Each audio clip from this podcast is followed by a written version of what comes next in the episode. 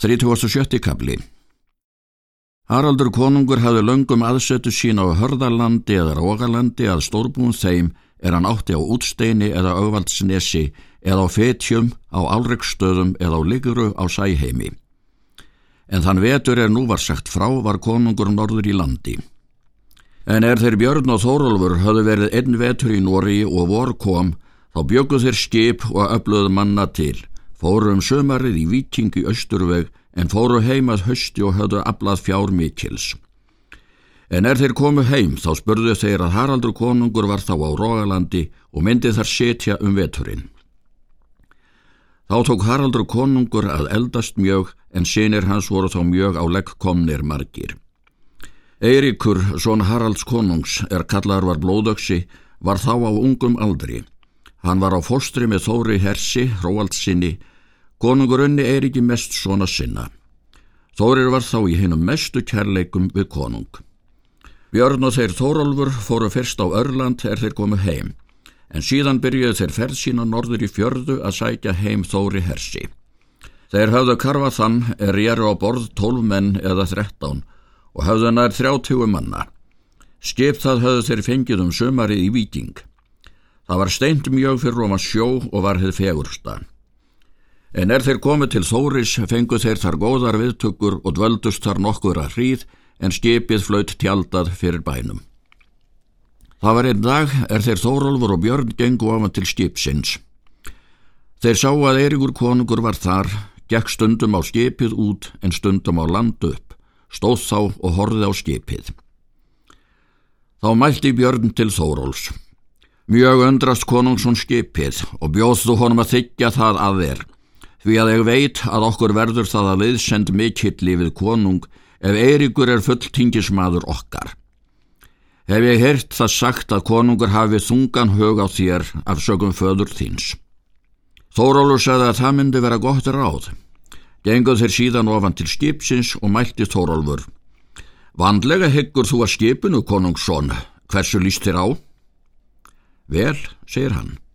Heið fegursta skip, segir hann. Þá vil ég gefa þér skipið, sagði Þórólfur, ef þú vilt þykja.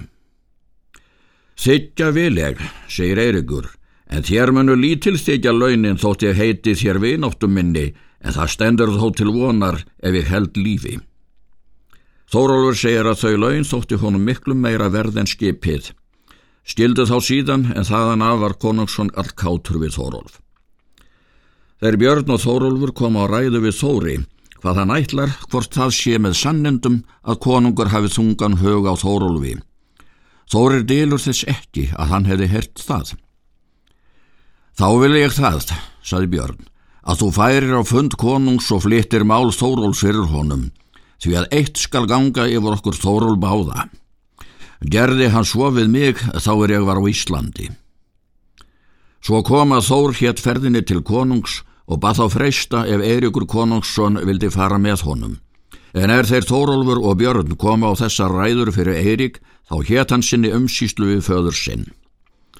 Síðan fóruð þeir Þórólfur og Björn leið sína í sogn, en Þórir og Eirikur Konungsson skipuðu karfa þann hinn nýgefna og fóru söður á fund konungs og hittu hann á hörðalandi. Tók hann feginsamlega við þeim. Dvöldust þeir þar um hríð og leituðu þeir staðráðs að hitta konung að hann var í góðu skapi. Bára þá upp þetta mál fyrir konung og sögðu að sá maður var þar komin er Þórólfur hétt svon skallagrims. Vildum við þess byggja konungur að þá myndist þessir frændur hans hafa vel til þín gert, en létir hann eigi gjalda þessir fadir hans gerði þótt hann hemdi bróður síns. Talaði Þórir um það mjúklega en konungur svaraði heldur stutt sagði að þeim hafi ótili mikill staðið af kveldulvi og svonum hans og letið svon að sjá Þórólfur myndi enn vera skaplíkur frendum sínum. Eru þeir allir, sagði hann, ofsamenn mikli svo að þeir hafa ekki hófið og hyrða eigi við hverja þeir eiga að skipta.